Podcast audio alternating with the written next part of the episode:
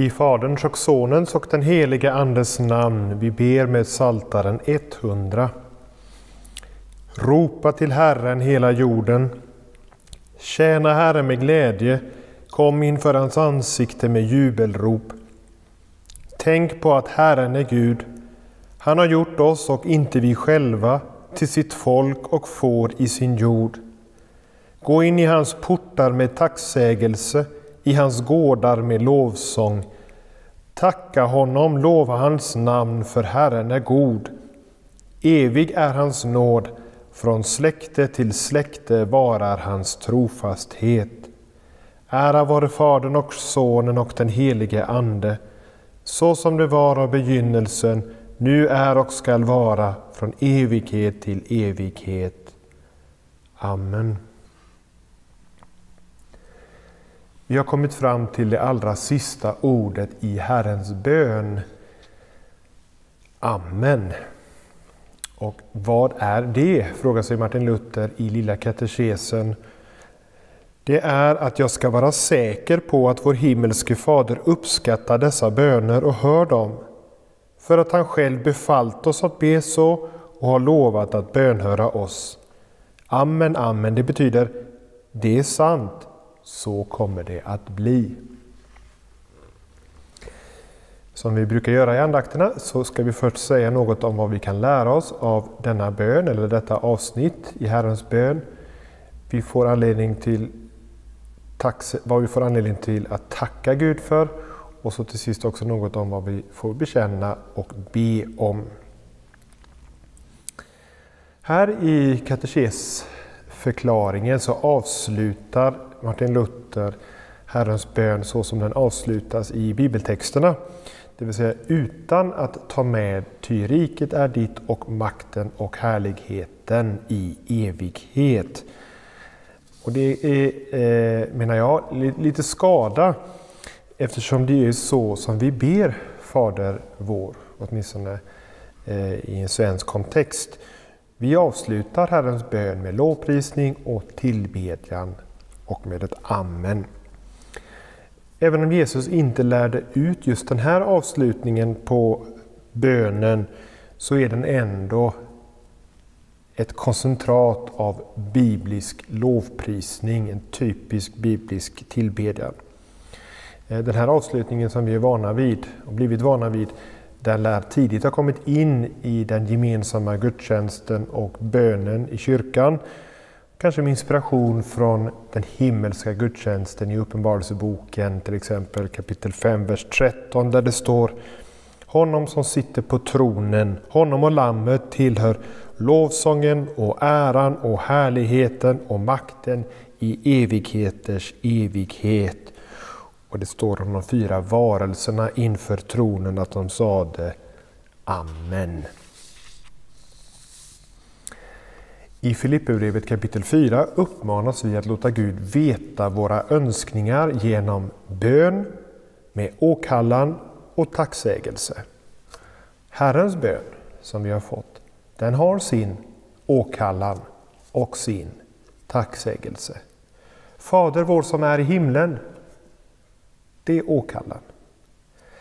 Och redan innan vi presenterar sju böner som Herrens bön innehåller så stannar vi i åkallan upp inför den som vi ber till och får tala till på Jesu egen inbjudan och befallning.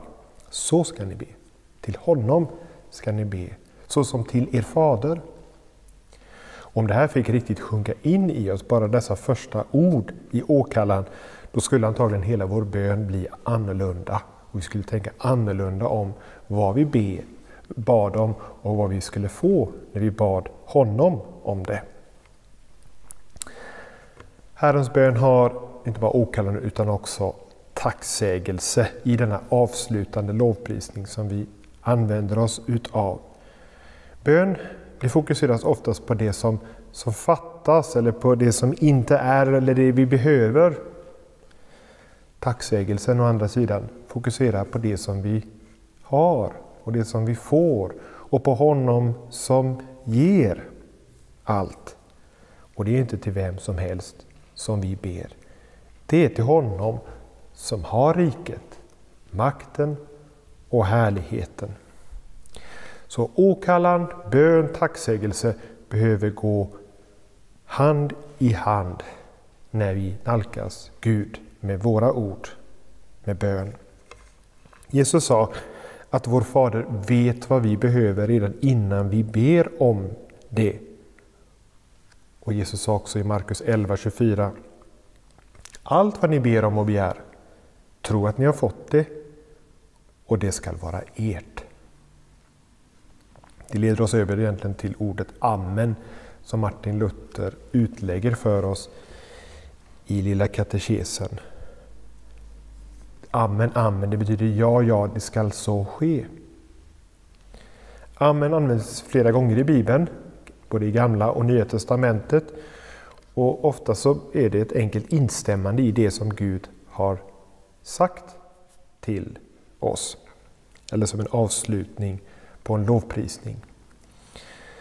Jesus själv kunde säga Amen, amen säger jag er i den gamla översättningen. Och det var för att stryka under att det verkligen var så som han skulle säga. Det är så vi förstår ordet Amen.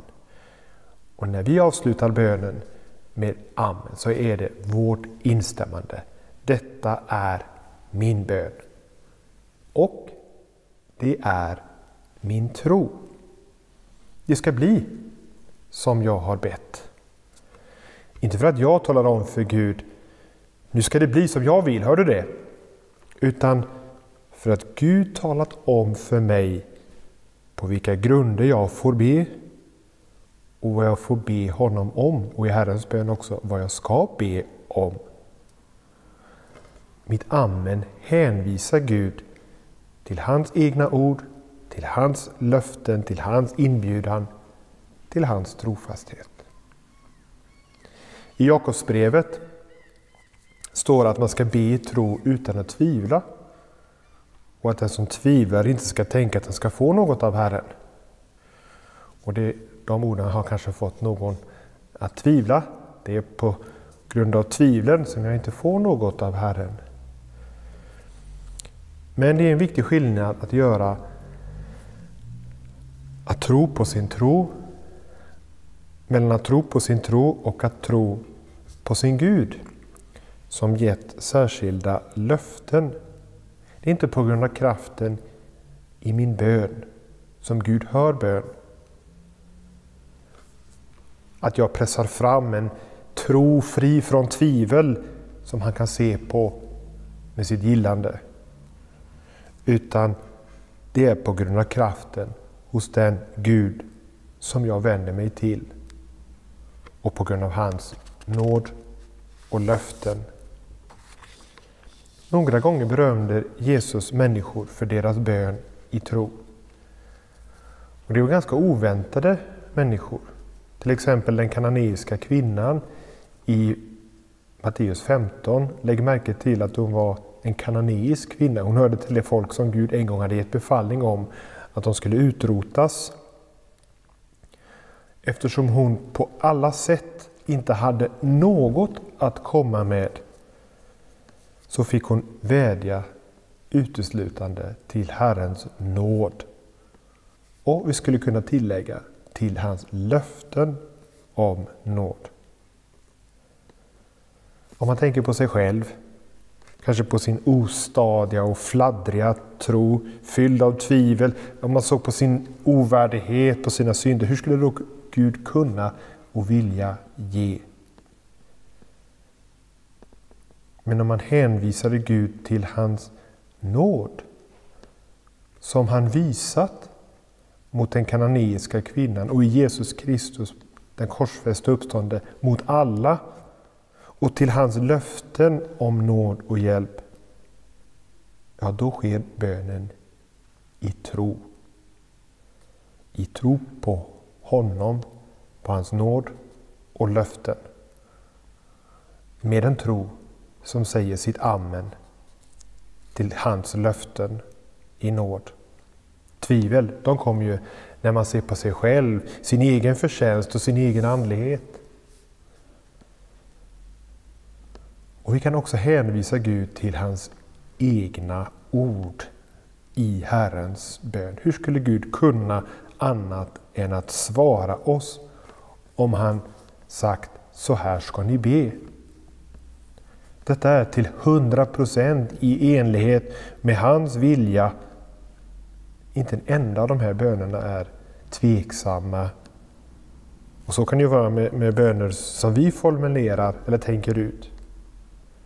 Vi behöver inte tvivla på om den här bönen är tillräcklig. Det här är bönen som vi faktiskt kan säga Amen till. Hur och när Gud hör våra böner, det får vi sedan lämna i Guds hand. Så många gånger i Bibeln får vi uppmaningen att vänta på Herren, vänta på hans tid, vänta på hans handlande.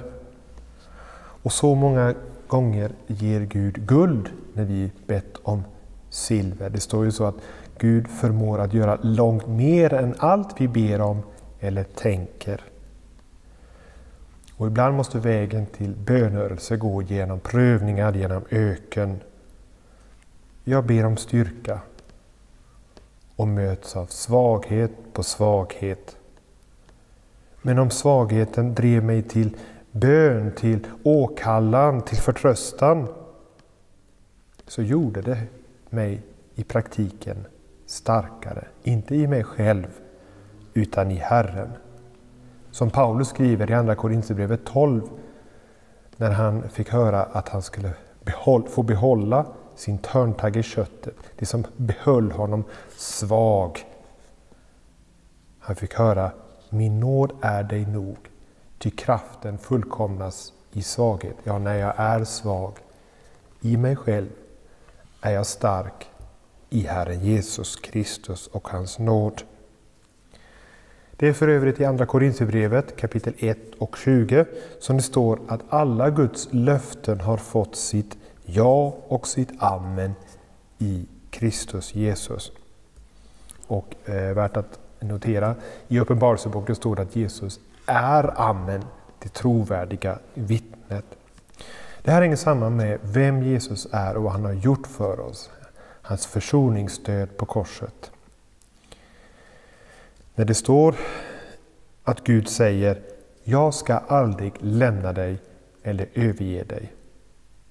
Hebreerbrevet 13.5. Så känner vi igen ordet överge från en väldigt specifik händelse. Nämligen när Jesus hängde på korset. Min Gud, min Gud, ropade han. Varför har du övergett mig? Och svaret måste vara för att Guds löfte till dig om att aldrig överge dig skulle få sitt ja och amen. Jesus övergavs i ditt ställe och för dina synders skull.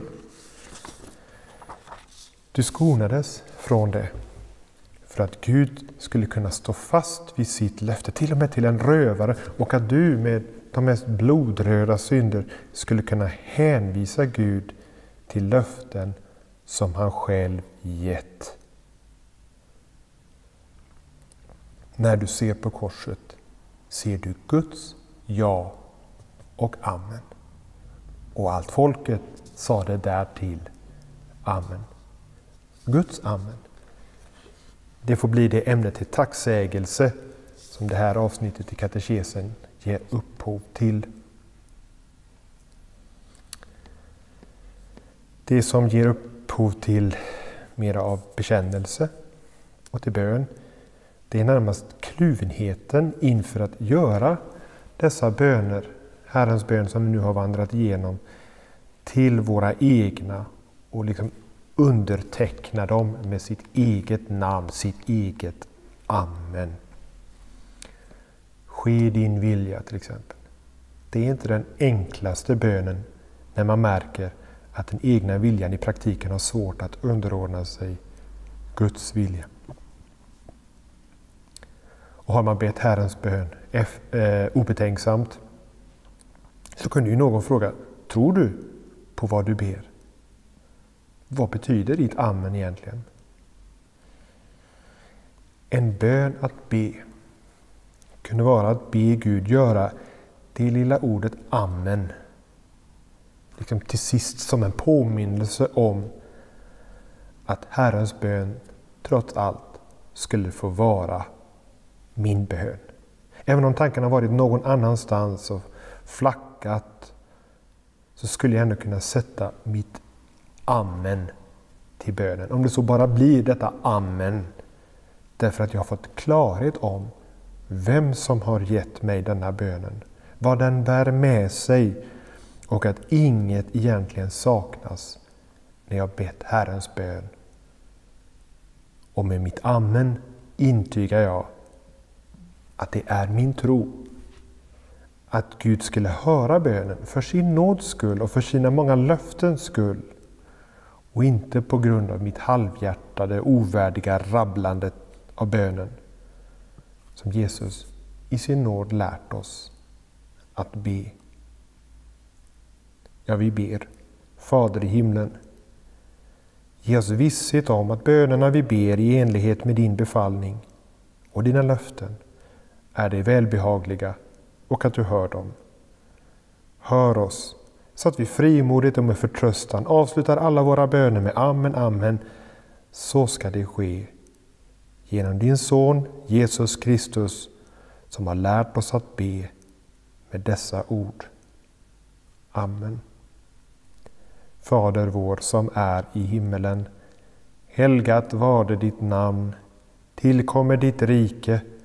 Ske din vilja så som i himlen så och på jorden.